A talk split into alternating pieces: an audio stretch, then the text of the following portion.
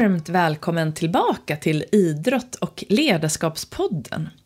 Det är dags för avsnitt 106 och i det här avsnittet kommer du att få träffa Arturo Alvarez. Och Arturo, han är en konstnär och en så kallad teamaster, eller en tekannemästare skulle man kunna säga, ifrån USA. Just nu bor han i Washington. Och Eh, jag kom i kontakt med Arturo faktiskt på grund av eh, Yoga Girl, eller eh, Rachel Brathen, eller Rakel Brotén. Då jag följer henne på Instagram och eh, för ett par år sedan så blev hon väldigt inne i just det här med teceremonier. Som jag också har märkt har ökat generellt sett i hela världen faktiskt. Och där i några inlägg så hade hon en fantastisk tekanna. Och jag tror inte att det bara var jag som uppmärksammade den här vackra tekannan som var rosa med ett trädhandtag. Utan väldigt många fler. Och eh, det här ledde mig då till Arturo som har ett Instagramkonto då som heter at your och sen underscore teapot. Så det ledde till att jag själv köpte en tekanna och har blivit väldigt intresserad av teceremonier. Och framför allt har jag blivit väldigt nyfiken på just Arturo, för han delar inte bara med sig av hur han tillverkar de här fantastiska tekannorna, utan också vad som ligger bakom hans väg mot att bli en mästare på just att bygga sådana här fantastiska tekannor. Och de visdomar som jag märker finns bakom det här så att säga. Så jag är mycket glad att få presentera det här avsnittet för dig där jag då pratar med Arturo om dels hans eh, tillverkning av de här tekannorna, hur han blev intresserad av det här och började med det här från början. Men också hur en teceremoni är som en moving meditation och hur han själv använder sig av eh, meditation och eh, närvaroträning för att behålla sin kreativitet och sin intuition för att kunna ta fram det här fantastiska han har inom sig för att tillverka de här otroliga tekannorna. Så det här är ett avsnitt fullt med både kunskap och visdomar, så jag hoppas nu att du kan luta dig tillbaka, ta några djupa andetag och jag hälsar dig varmt välkommen. Nu kör vi!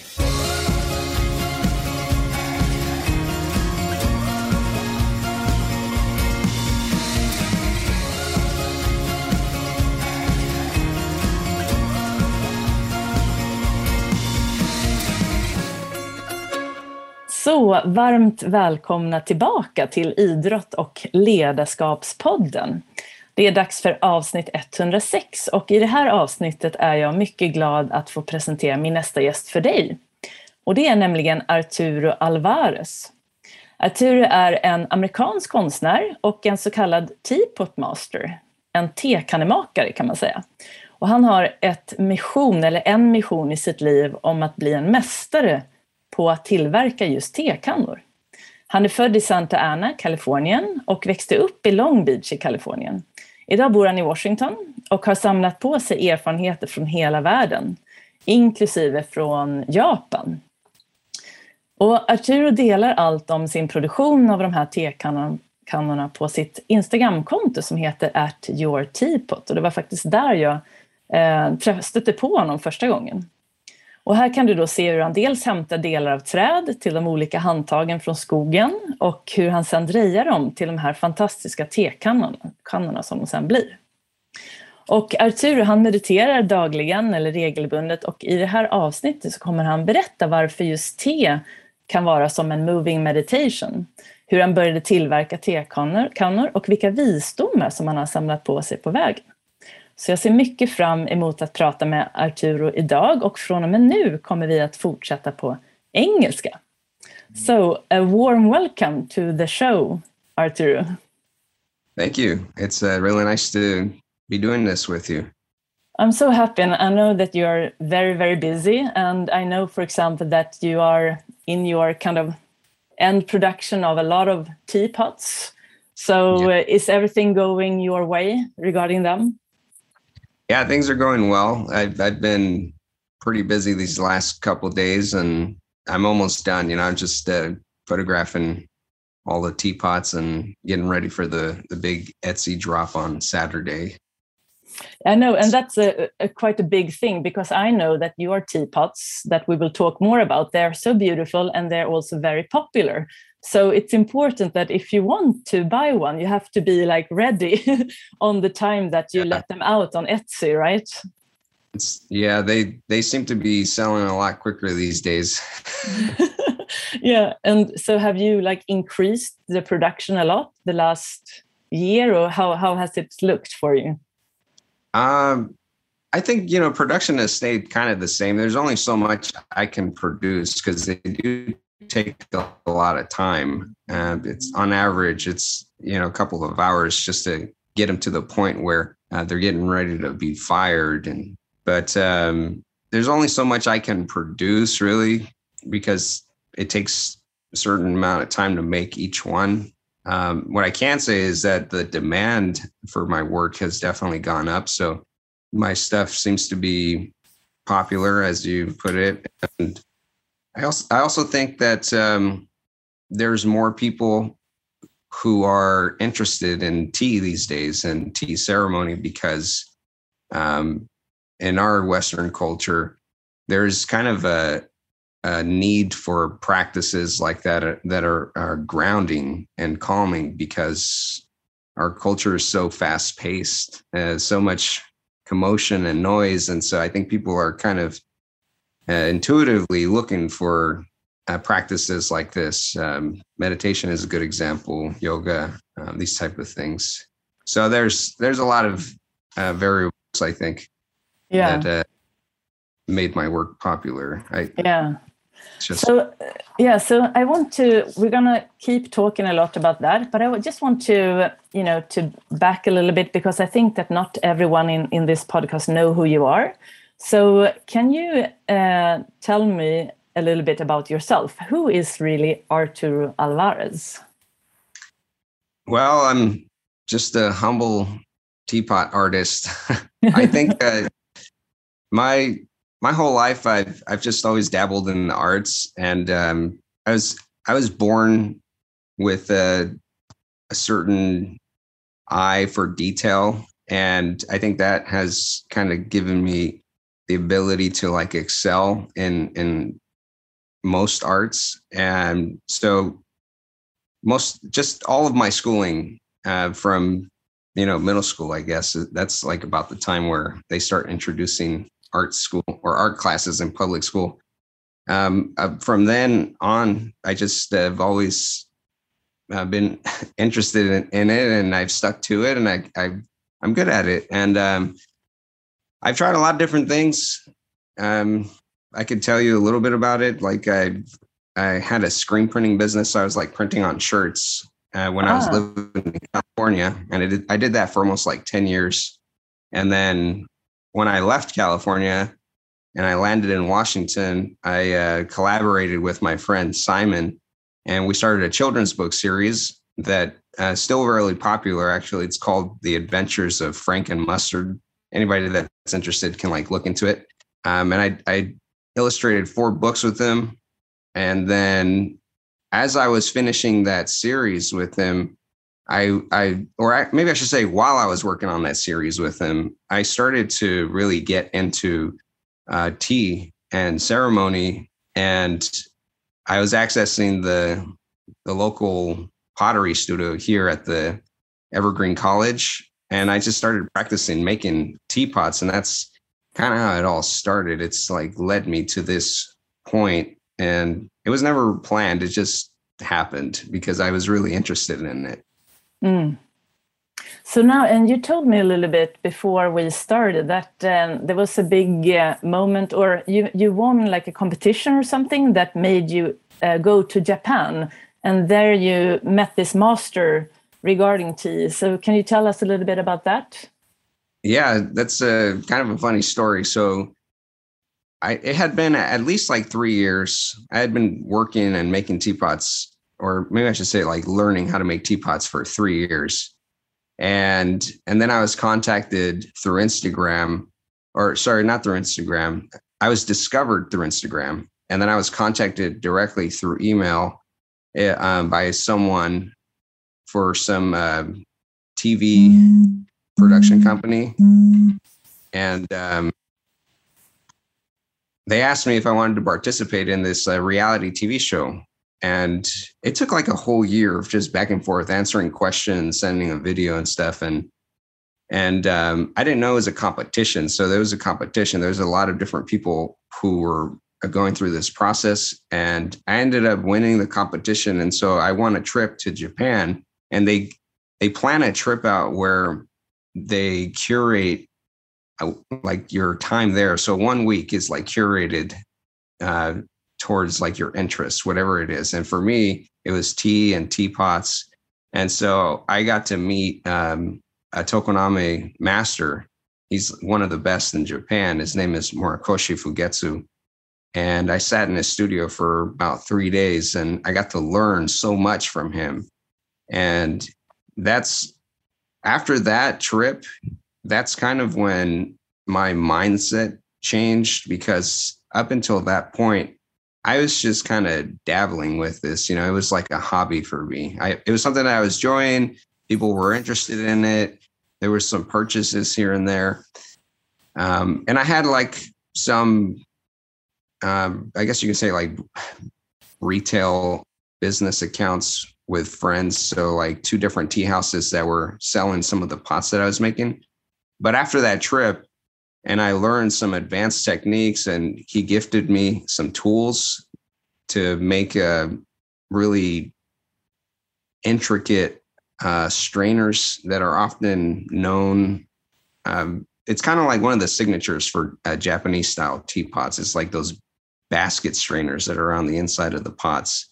Um, so after I learned all this stuff, uh, my work got a lot better, and then people started becoming more interested in it, and that's kind of when things changed for me. And I and I just started to entertain this idea that maybe I could do it full time uh, for a living, and it's turned out that way. This is what I do for a living now. I just make teapots. yeah, it's so incredible. And I, ha I actually ha have one of your teapots here. Can you see it? I will give a picture. Oh, yeah. The, it's the pink, uh, what do you call it? Pink. Uh, the pink kyusu. Kyusu, exactly. And they have a wooden handle. So right, is, yes. is that typical for your. Yeah, yeah. Um, sorry, I didn't mean to interrupt. No, no, no. Um, I just want to say that because somebody, whoever's watching this, will probably be interested in knowing this. Um, kyusu is just the Japanese word for teapot. So, and that's all. Yeah. um, putting requi- it certainly requires a, a lot of time. It can at least, uh, depending on the material that you're working with, because uh, all of these pieces of wood that I find, um, they vary. Some of them are really hard and some of them are really soft to work with. And depending on the shapes, also that complicates the, the way that you have to, you know, carve and whittle down the material. And um, I, I can easily spend up to an hour just on one handle if it's like really tough material. I I seem to be doing that a lot these days because I'm I'm very fond of uh, cedar yeah. I, I think it's like really brain. Yeah. So I, I work a lot. So that's great. So you find the wood on the ground, right? When you go out in the woods, you don't take it from the tree, or is it already on the ground? Uh, yeah, it's, it's, mostly it's mostly driftwood, so it's just the material that kind of washes up. Because I I live in an area that's like surrounded by bodies of water. There's a lot of inlets, and so it's very easy to just take a hike and collect driftwood. Um, typically, I try not to take stuff that's alive because I, I, don't need to. There's mm. there's plenty of driftwood, but uh, even also just like finding stuff in the forest, most of it is already like breaking down. There's some type of like uh, fungi in it, and you can't really use material like that. The No. stuff that washes up, driftwood, is um, almost always usable. Yeah. So, uh, like like I said before, I found you on on Instagram, but it was actually due to one of our famous uh, yoga teachers. So I was following a yoga girl, and she's actually from my area here in uh, in Sweden. So she was Rachel? there. Yeah, Rachel. So she started to get really into tea ceremony. I think a few years ago. So she was sharing this, and I saw one of your teapots, and I didn't know where it was from. But then I think that I kind of found you there, there, and then I followed you. And I think that since then, more and more people both have, like like you said in the beginning, have started to be more interested in tea ceremony, but also your business, of course, then has increased a lot. So I was wondering, you you have your company name uh, because I we can let- read more about you on your company name's website. It's Tsutsumi. So what Yeah. does what does Tsutsumi mean? So the the literal translation of that specific kanji symbol that I use um, is a dike, dam, or bank, Ah, And- and I ki- I use it as a metaphor, as uh, some you know something that holds water. So I stamp my work with it, and, and I use it as a metaphor for vessels that hold water because that's something that dams, banks, and these things they hold water. And the story behind it is actually kind of interesting because when I st- when I first this is how I found my little stamp. By the way, I didn't. Um, I just wanted to let everyone know that I didn't go online and look up, you know, different symbols, and I chose this one because it was all uh, very thoughtful and intentional. Uh, the Yeah. story is actually quite funny. Is is it's the exact opposite, of anything. So when I was learning how to make teapots, I think after a year of just like practicing uh, making teapots, I decided that I wanted to find some stamp. I wanted to stamp my work with something because I've always found it kind of cheesy to just like sign my name on stuff. There, I've never liked it, and so I had this thought: I want to find something I can stamp my work with it. And a couple of days or weeks go by, and and I'm at this like little thrift store with a friend, and at the cash register, they had this huge steel salad bowl that was full of letterpress stamps. I mean, like thousands of little letterpress stamps. yeah. And and I ended up choosing this one because I liked the way it looked. And so I started stamping my work with it, mostly just for fun. I, I, I thought, oh, maybe someday people will look at this and think that it's worth something because Yeah. like this Great. and and and then somebody convinced me to like look up the definition and it was kind of hard to find because it's an outdated kanji symbol i had to like go on some forums with kanji specialists and eventually i found out that it means that it's a dike dam or bank and there's kind of this serendipitous moment where i thought well i can definitely use this as a metaphor because in one way or another it relates to water which is a big part of tea Yes, exactly. That's such a serendipity moment, like you said. Incredible. Like it's really meant to be. yeah if, if if you don't believe in coincidences, that that was definitely one of those moments. yes, exactly, exactly. So, so how does how long does it take for you to make like one teapot from gathering the material and then starting to to produce it? uh, well, I would say start to finish. That includes like packing and shipping and all that stuff. It's it's about five hours for a single Ah. tea, and and the time varies. Some of them might be a little less. Some of them might be a little more because of the wood handles. That's that's like the the biggest um, variable that's uh, really hard to calculate because some materials are so hard to work with and it can take at least an hour or more just to get the right shape and the right fit. So, but if we're going to average it out, I would say about five hours. Okay, it's good to know. I would I thought you were gonna say more because I think it's so many details and you know so much that I thought it was gonna be more. got- Mm. Well, it used to be more, that's for sure. I, I I've gotten a lot faster mostly because of the techniques that I learned from uh, from my teacher Fugetsu. Yeah. Because prior to that, I was taking about apparently I'm on record by the way that this is like something that was brought up um, during the the second uh, recording because I, I did like a, a second or uh, maybe I should say a follow up episode to this TV show. Oh. And they asked me, well, how, how long does it, how long is it taking you to make a teapot now? And I was just like, oh, it's taking me about one hour.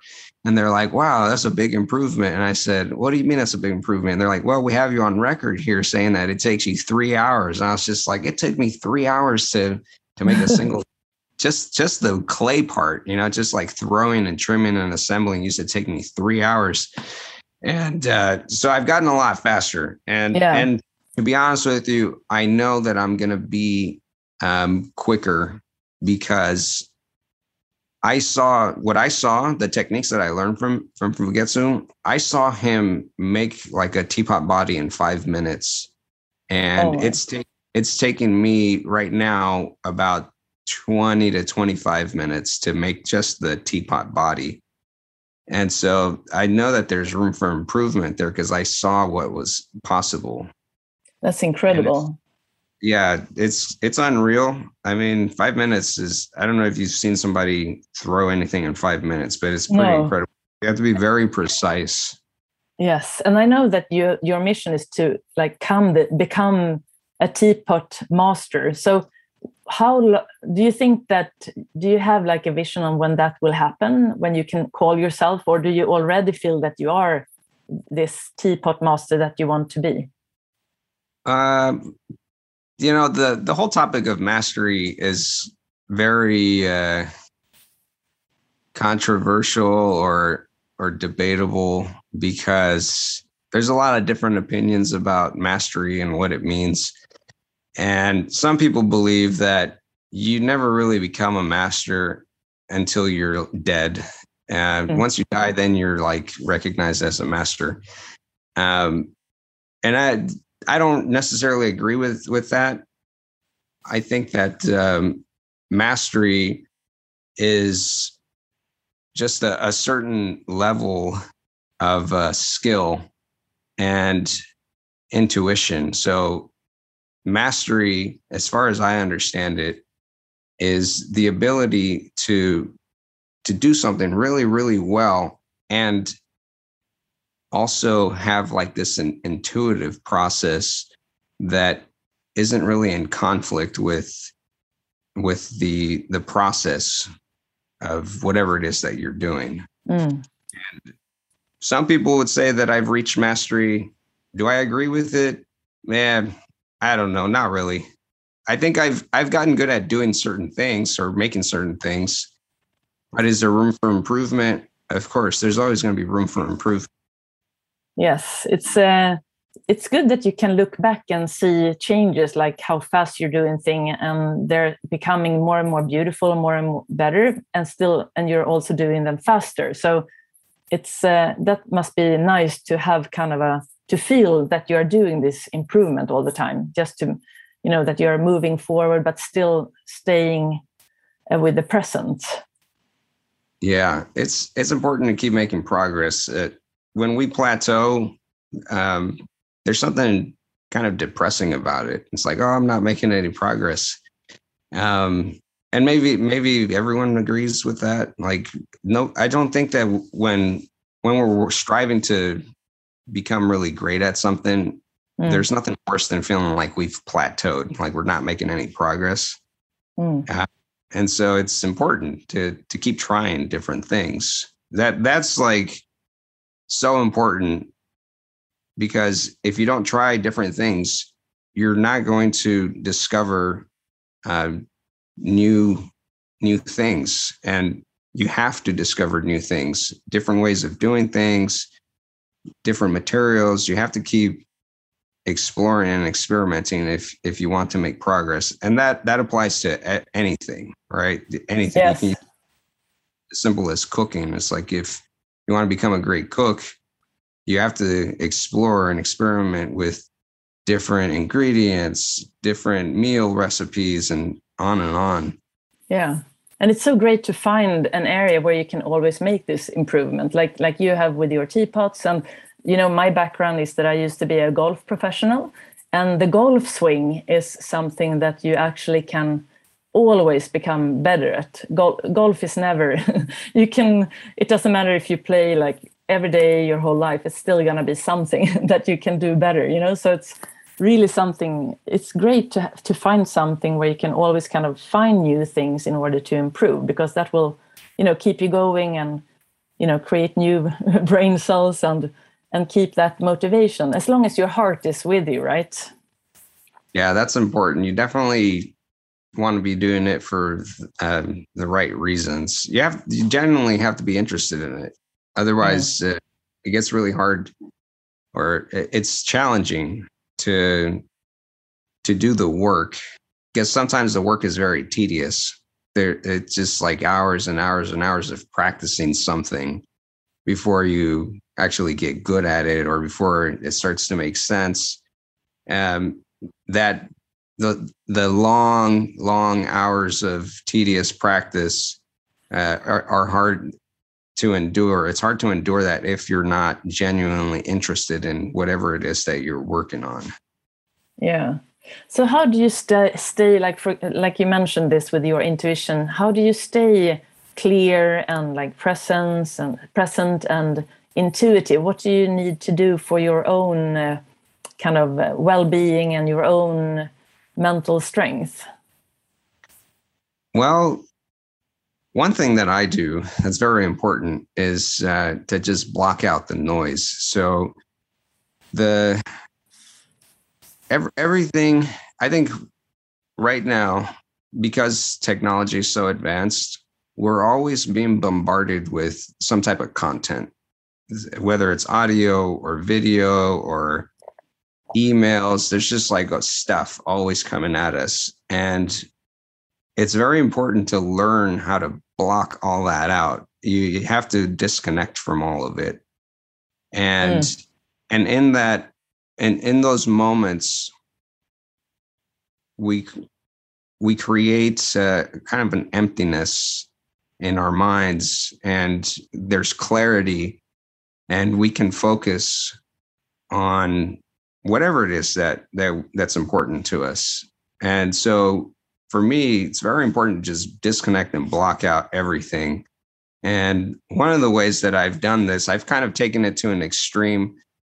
Um, some people would say this, but I enjoy working through the nights because everybody's asleep, everything is quiet, and I don't have to worry about any disruptions, nothing. So I can just work through the nights every and and be fully focused on on what i'm doing. And and also there's like less temptations during the night. It's like what where can i go at night? Everything's closed. I can't do anything. So i'm kind of like forced in a way i'm forcing myself to be in the studio and to to do this work that's important. Mm. Um, but I don't I don't always stay on the night shift. I, I go back and forth. I only do it when I feel like I need to really focus and and get a certain amount of work done.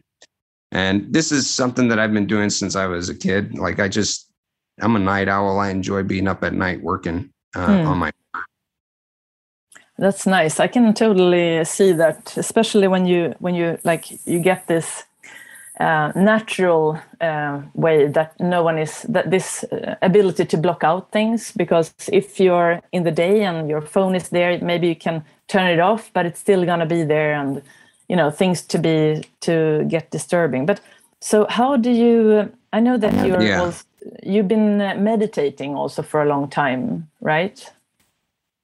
Um yeah you can say that. I, I think I, I was introduced to meditation a long time ago. Um, I must have been like, I don't know, 19 or something like that. mm-hmm.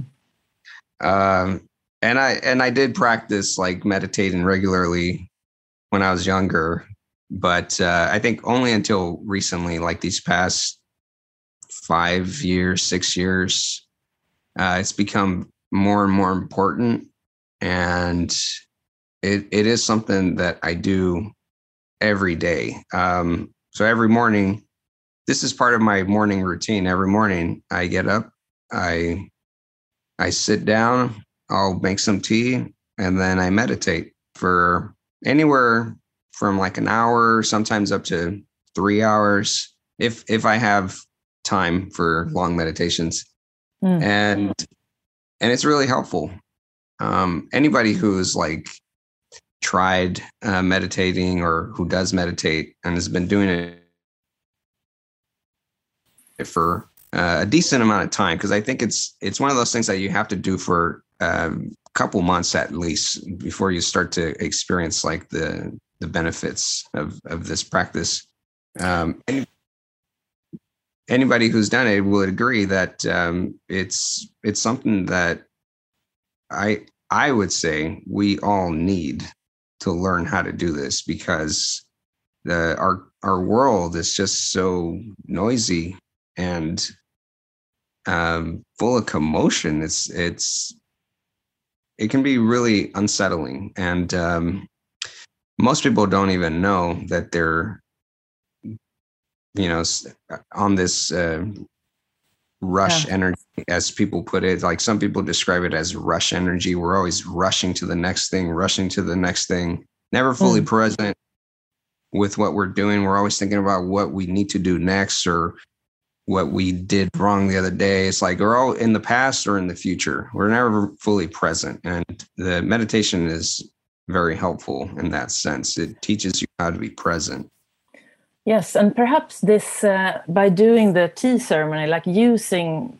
or like working with tea, can maybe help people to that it that this type of meditation, for example, doing this this tea ceremony, will help people to to get into the present moment because I think it, it could be hard sometimes for a person to just sit down and close your eyes and then you know what they notice when they're when when a person closes their eyes could be so like terrifying sometimes or you know you see your thoughts and they don't they can't sit still. But if you then have something to do so to speak but it's still something that you do very slow when you're learning how to be mindful that could lead people into meditation. And perhaps that's why it's becoming also so much more uh, more and more popular like you said in, in the beginning. Yeah I, I think you're right about those things. Um, for a lot of people it's really hard for them to to sit and be still uh, because there is just so much noise going on in their head. And a practice like this a team meditation um, you're not necessarily forcing yourself to sit there in stillness with your own you know busy mind. You're yeah you're sitting down preparing uh, a beverage in a mindful way that can lead to a, a different uh, practices like meditation. Um, and it's it's also you know healthy for you. I mean there there's a lot of different ways that you can approach tea. Um, it's it's not just a, a mindful practice. Um, it, it, it's more than that Yes, yes, it's very healthy. And uh, do you have actually? I was, I was very curious if you have a favorite of all the teapots that you've made. Uh, I guess I do have one. Um, it's actually the one of the first wood handle pots that I made, and it it has a really interesting piece of cedar and the reason why it's special to me is because I was uh, I was out at the the local inlet here in Olympia, and I I went out there just to get away from everything because I was having a kind of a challenging day, and mm-hmm. I was and I was just sitting there at on at this beach, and I came across this really interesting stick, and I decided to take it with me, and at that time I, I was already kind of playing around with the idea of using sticks for side handles and so i took it with me and and i actually turned it into a side handle and so there's there's sentiment sentimental value mm. uh, with this pot And although I, I will say I've smashed that pot a couple times, like two times I've smashed it and I've reused the handle. I did it intentionally, by the way, because I saw that my work was getting better. And so I was like, oh, I should smash this old teapot and make a new body for this handle. And I've ah. done it ah. twice. oh, that's great. So the handles can keep living like in every teapot. So that's it's I think that's yeah. my that's why I was so I think that's why a lot of people are so uh, fascinated and think that your teapots are so wonderful because of those handle, handles, the wooden handles. They're so unique. Yeah, and I think that the it bring it just brings another element into the practice. So like just think for example, if you're making tea with like a, a you know something very simple like a mug and a kettle, just like a you know regular stainless steel kettle. Um, mm. Yeah, you, you can make like a tasty tea but these uh, wood handle pots introduce another element and there's this like raw organic element that is intended to stimulate a lot of different thoughts. And one of them being just the reflecting on nature your relationship to nature. Like what is your relationship to nature? When when we're out and about do we notice the trees and do we appreciate the trees or or have they become just you know lifeless things in the background? Mm-hmm. and the, i put a lot of intention into my work um, because I, I want people to reflect on their relationship to nature because it's important you know like we we need to stay connected to the to our planet for a, a number of reasons not just for like our own mental well-being but also just because our planet needs that from us right now. Yes and i think that you're really you're really succeeding with that because now since i'm sitting here in sweden with your teapot with this uh, wooden handle i didn't know you or anything when i first saw it but I, there was something so uh, attracted uh, about this uh, this teapot that made me actually feel more connected to my nature. So I've actually done my ceremonies a lot outside in, in the countryside, and I didn't mm-hmm. do that. I didn't do that before, and I think that everyone that I've I have this um, at home, and people can see it. So I think that it also affects other people that I have in my uh, you know surroundings, so that they also become. It's something with it that you are really uh, man, you have really succeeded to, to you know to spread this um, importance of our nature and how we can you know the importance of us becoming more present because when we are present i think that we can more easily also become you know uh, become more concerned about the nature where we actually come from right yeah it's it's supposed to uh, stimulate a lot of different thoughts, and um, it. I I hope that um, that it's having that effect. It sounds like it is for you, and I hope that it's having that same effect for everyone who uh, owns yeah. one of thoughts. Yes.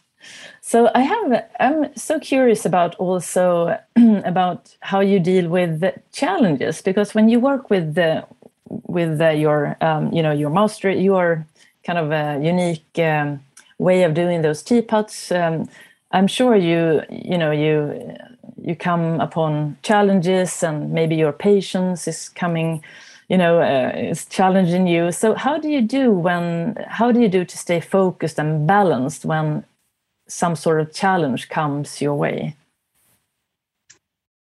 Um well the one thing that i i know about myself and i've known this for a while is uh, I actually really like challenges. So I seek out challenges. And and any type of uh, setback um, doesn't really discourage me. I'm I'm not like devastated by mistakes or errors.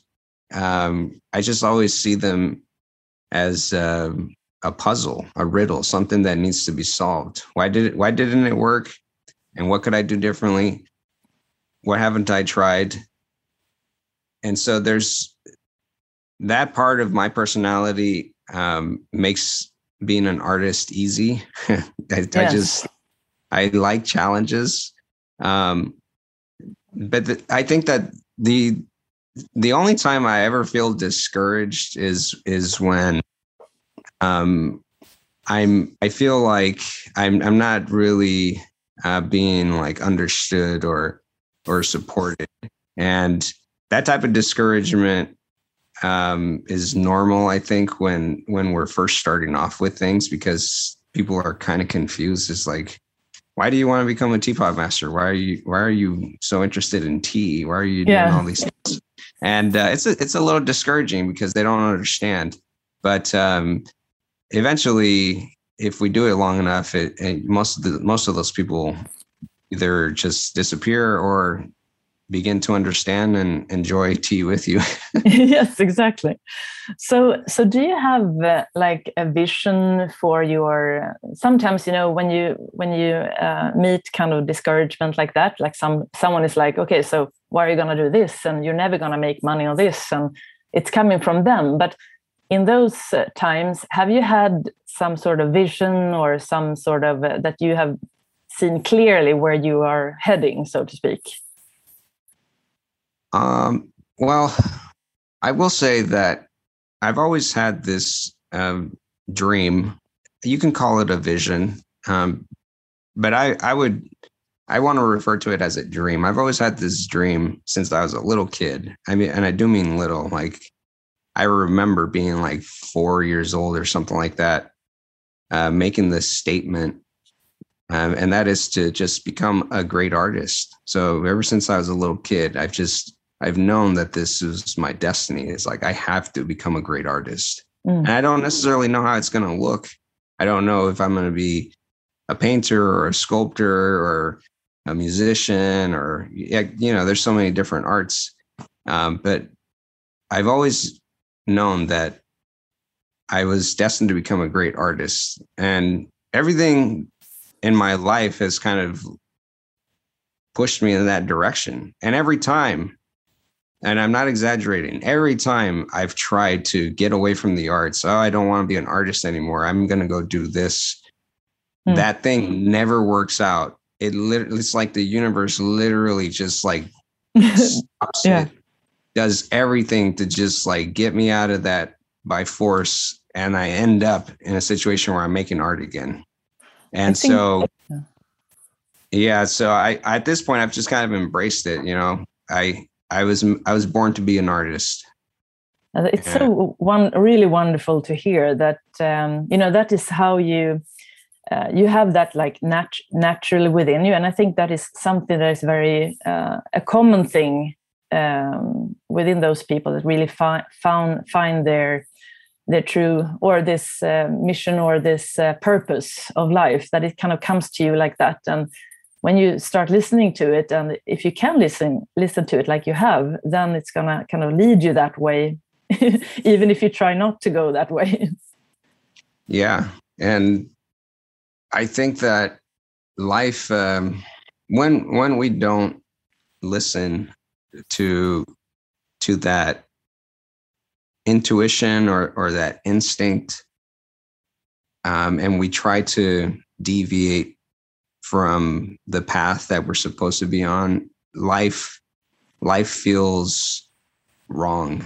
It it mm. just uh, it it is void of purpose in a way like what what is the point of living? Why why am i doing this? Why am i doing that?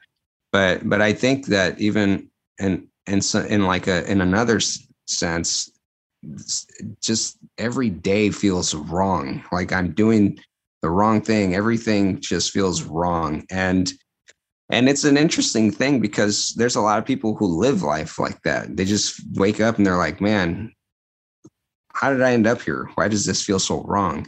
And yeah. it's because they're they're they're not doing what they're supposed to be doing. You know, they've forgotten. Because everyone everyone starts off with a dream or some sense of purpose. It, that's mm. and life kind of complicates things and maybe we forget. Yeah, it's true. So I have this um, uh, a mentor or a few mentors here in Sweden, and one of them was in this podcast um, a few years ago, and he said that, and he's quite old now; he's about seventy, but he's used two questions uh, every day before he goes to bed in his life. And the first one is what has felt right today? And the other one was what has felt wrong today? And then he felt that that has kind of uh, helped him stay in the right direction. So if you don't really have this, um, you know, a lot of people don't have that purpose clear for them. But if you kind of start reflecting and you know ask yourself those questions, it can perhaps help you get into the right path again. Absolutely, and I also think that that um, you can say meditation or uh, even just tea ceremony. This these moments, these practices where we can be still and present, it creates a space, a moment where we can think about these things. We can think about purpose. We can think about destiny if you believe in that type of thing. We can think about what what we want from life or what we're supposed to be doing in life. And and we need that. People need that. Everyone needs that. Because otherwise you just go through life and you're never content. You're never satisfied. There's always something something else and you're being lured, you know, by shiny objects and it's important. It's important. And and I do like those two questions that you just mentioned because they're so simple, but they're also so effective. Yeah, right. It's uh, very simple, but it's when I heard them as well. So I do. I have them actually here on my computer, so that I will remind myself every day, and I have a happy smile on the one side and a sad smile on the others.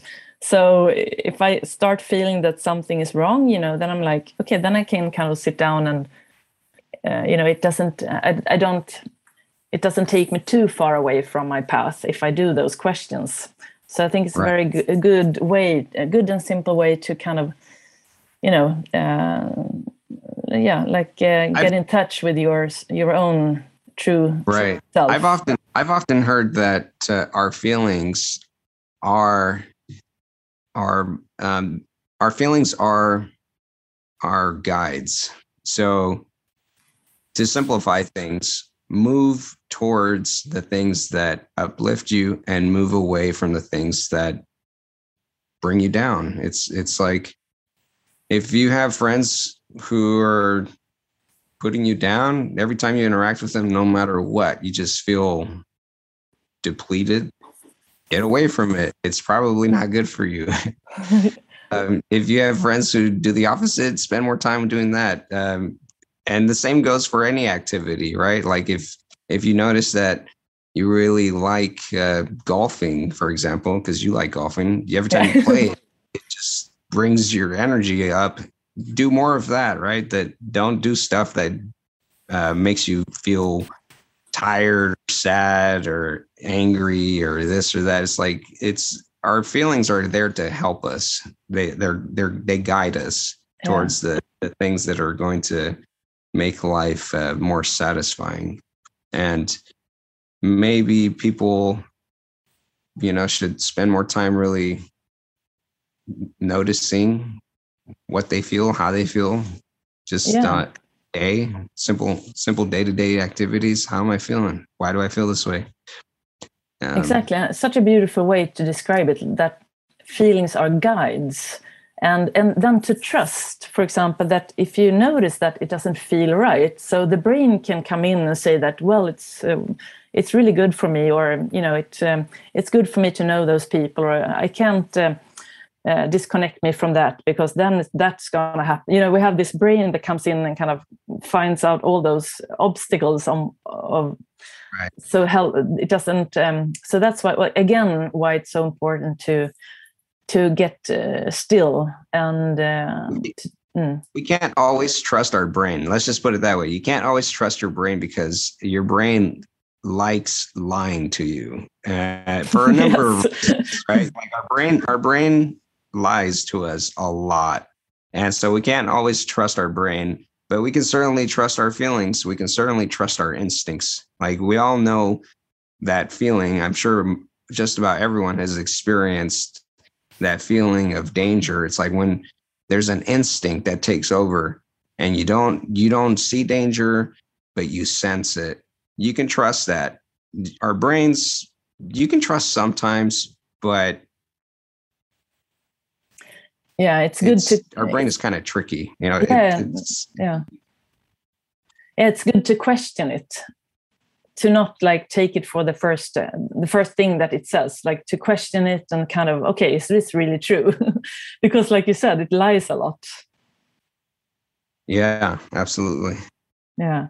So i was uh, i'm thinking a lot about your you're doing your own business and you're you know doing it so successfully and very with this uh, kind of uh, true sense with there's a um, you have a, a, a, true purpose with doing this. And there's a lot of people in sweden right now right that now. are you know getting into craftsmanship. They want to start their own business you know especially i think after the pandemic you know people maybe they lost their jobs and maybe you know they they're doing they want to you know continue where they to do their dream or they want to start doing that but they might be a little bit afraid. So what would be your kind of advice for a person uh, that has this uh, craftsmanship or you know this possibility to do something really beautiful. What what could be something that they could do to make them kind of you know get going and just go for it?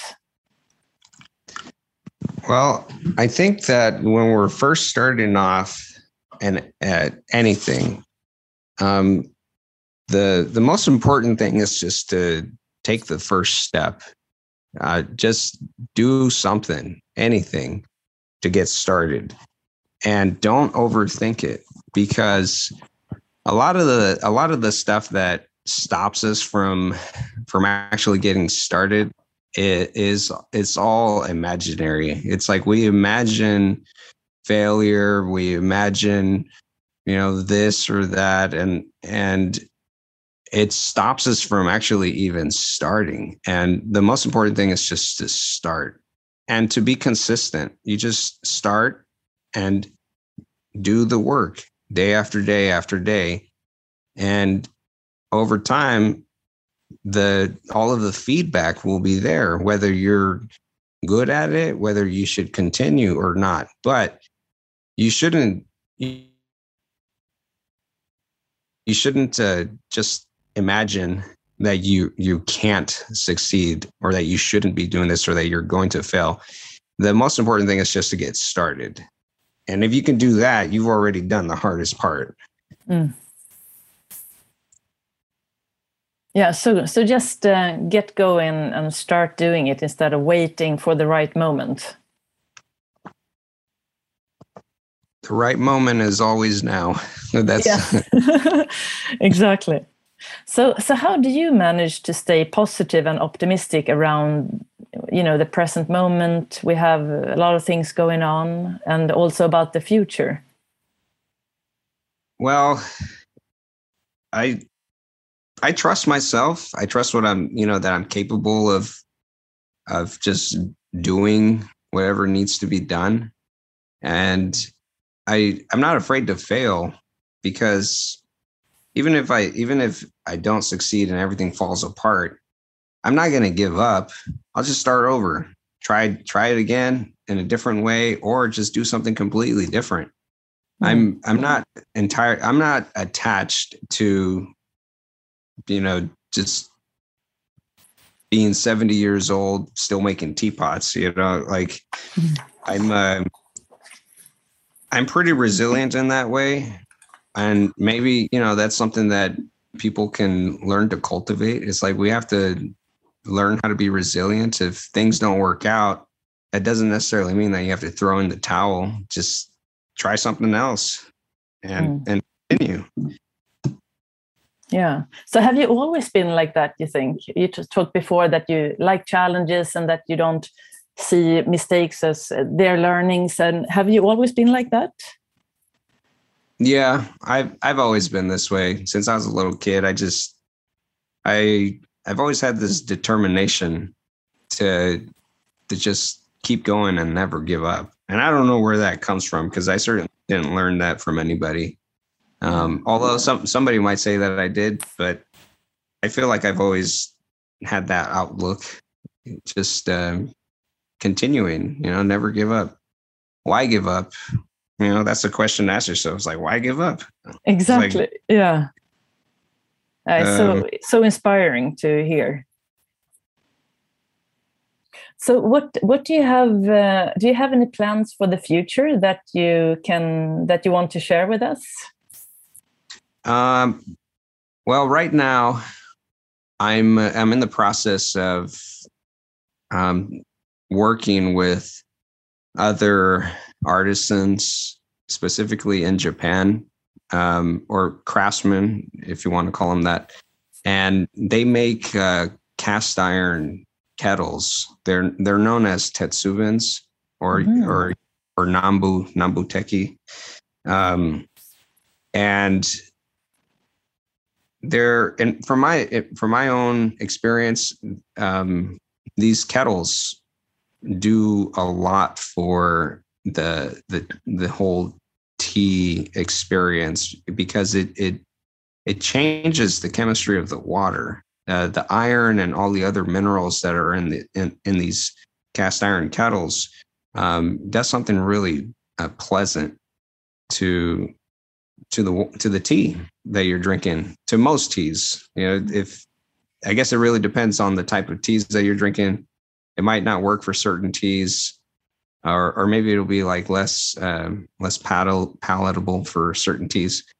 but um, i started uh, I'm, i've been connecting with three different companies and i'm i'm sourcing um, a few different types of tetsubin because I want to share that with people who are still fairly new to to this practice because it, it is something that that I use. I have a, a tetsubin that mm. uh, I actually I got this when I was in Japan because uh, I forgot to mention that it when I won this trip to Japan, I also got to uh, visit uh, Iwachu, which is like a big um, cast iron company in uh, Morioka, and I got to see uh, Master Yaegashi make a tetsubin.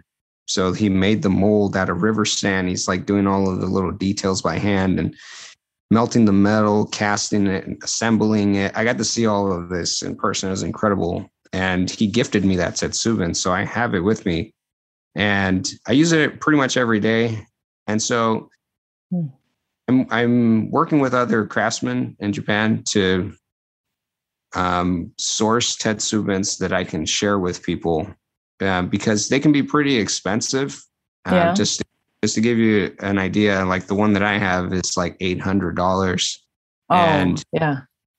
Some of them are you know twice that, and but I may I've been able to get some at a really low price that would be good like introductory level tetsubins for people so that they can experience the effects of, of a cast iron kettle and then if they if they're really moved by it maybe they'll be inclined to you know get themselves a nicer kettle in the future um, yeah. so that's one of the things that i'm working on and then the other thing is i'm, I'm actually also going to start uh, sourcing japanese green teas because I love Japanese green teas. It's pretty much all I drink these days. And I want to share that with people because I look back at uh, you know my my earlier years when I was just getting started in all of this and it was really hard to know like what I can trust or what companies would have good tea and this and there's a lot of like uh, misinformation and so when you're first getting started it's like it can be really confusing.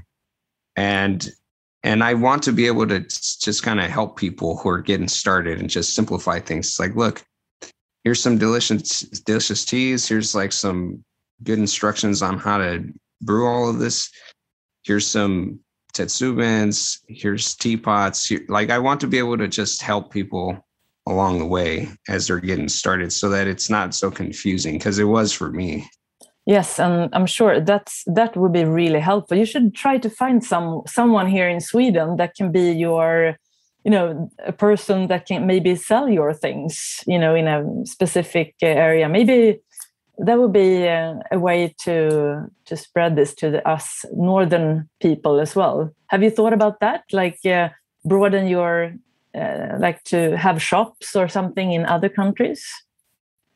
Um, I've, I, I guess I, I have been contacted many times by by different tea shops. Um, mostly mostly here in the U.S. Some tea shops in different countries, but I don't recall uh, ever being contacted by any tea shop in Sweden. So it's maybe I, you will know. I'd, I'd, be more than happy to explore that. Maybe I should uh, look into it myself and just find a couple and send them an email. Yes, because I think that those uh, tea, I, I ordered, you know, the teapot from from you because you send everything from from your place, right? The when when everyone orders, it comes from from America to to every place, right? Yeah, I yeah I do all of the shipping from here. yes, so so that's really good. But it would be even more uh, I think uh, if I would be, you know, so happy, and I think now everyone will be very curious about all your teapots. And uh, I know that you you said something that uh, I heard. I think it was in an interview that you had with. Was it what was the name of the guy that you were in? Was it Jeffrey? Jeffrey, yes. Yeah. so he he you told him that you were doing you produce teapots like at the end of every month. So that is that correct? That it comes new pots every end of the month. Yeah, I try. I try my best to um, to have a to release a batch um, towards the end of every month. Although I will say that uh, this batch here in particular, the one that I'm um, going to release on Saturday, yeah, it, it, has been like two months in the making because. for well, for a number of reasons, like I, I was going through some uh, difficult moments uh, emotionally, uh, just relationship stuff that I don't want to talk about. Um, yeah because everyone knows what that's like. Uh, you know, we've all been through uh, challenging relationships. Yes. And um, so that that really kind of uh, um, affected my um, motivation, my creativity, and then when I finally started to come back around, um, I also am. I have an apprentice now, and I'm teaching her how to how to make teapots and we're collaborating in, in so many different ways. And that also takes a lot of time like it, it takes up a lot of time to just block out time to teach someone. So yes. um, i this these last couple of months have, have been uh, probably frustrating for a lot of people who have been waiting for some pots because uh, yeah. it's been like at least two months since I released uh, some pots, but um, but I'm back on track. You know, I, I'm I'm making it work, uh, staying focused, and stuff like this happens. You know, it's I'm only human. yes, right. That's good to hear. so, but uh, so I'm really looking forward to seeing. So this podcast will come out after. So this is recording re recorded before you release them, but it will be released here in Sweden. So about a week after. So okay. if they're not there anymore. Um, I will uh, post your website, and on your website there's a connection to Etsy. It's a, a shop on internet, right? Called Etsy.com. That's right. where you have your pots, your teapots, right? Right. Yeah. So right now I'm still using Etsy as the, the main platform to to sell my teapots, but uh, I'm getting ready to switch over to Shopify um, for a number oh. of reasons. Okay, great. But uh, that's not going to happen. That's not going to happen anytime soon. So when people hear this, just know that I'll probably still be using Etsy. Um, I think I'll I'll have my Shopify page up and running probably by January is my guess. Okay, great. So, Arturo, it's been such a wonderful time talking to you. You have uh, inspired me so much, and I'm sure that you have inspired everyone that listened to this. And I usually end this podcast by asking if you have, if you could choose. We've talked a lot about many great things, but if you could choose maybe three things to say to the listener on how to find uh, you know her her or his north star the inner peace and maybe the courage to to go for what your heart wants or or maybe to how to do uh, to stay on your path and like trust yourself like you do, what would you say then?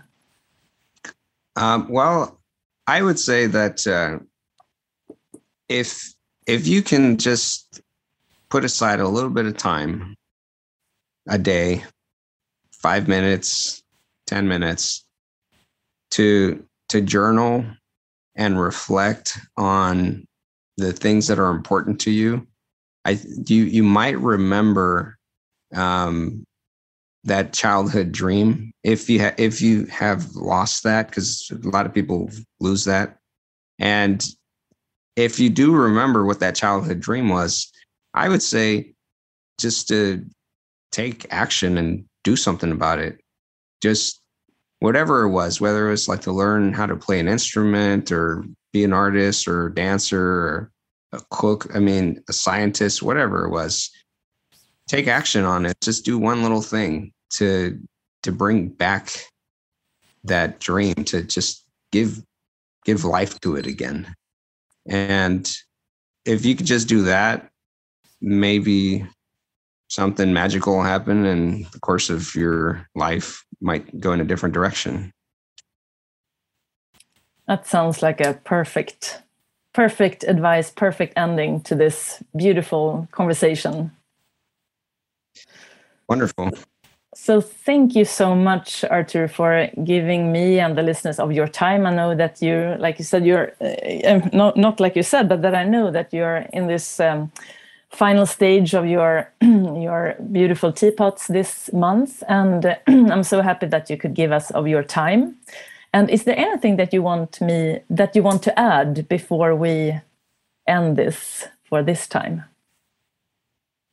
Um, well, just thank you for for everything that you do, Jenny. I'm sure there's a a, a lot of value that your podcast uh, adds to people's lives, and thank you for that. Oh, thank you so much, and thank you for everything that you give. And I wish you all the best, and I look forward to follow you. And yes, uh, let's say if they want to follow you on Instagram, your name is not Arturi, right? It's at your teapot, right, with underscore. Right. Yeah. It's at your underscore teapot. yes. And is that your uh, way to communicate where you uh, mostly are? Uh, yeah. Instagram is probably the the one platform where I am most active. Okay, great. I will add everything here below in the comment field or in the information about this podcast so that they can find you and follow you. Great. Thank you. Well, thank you so much, Artur, and best of luck. And I hope to see you uh, in real life, perhaps sometime in the future, and maybe here again to do a follow up, maybe sometime yeah. in the future. Certainly. That sounds good to me. Thank you so much. Thank you, Jenny.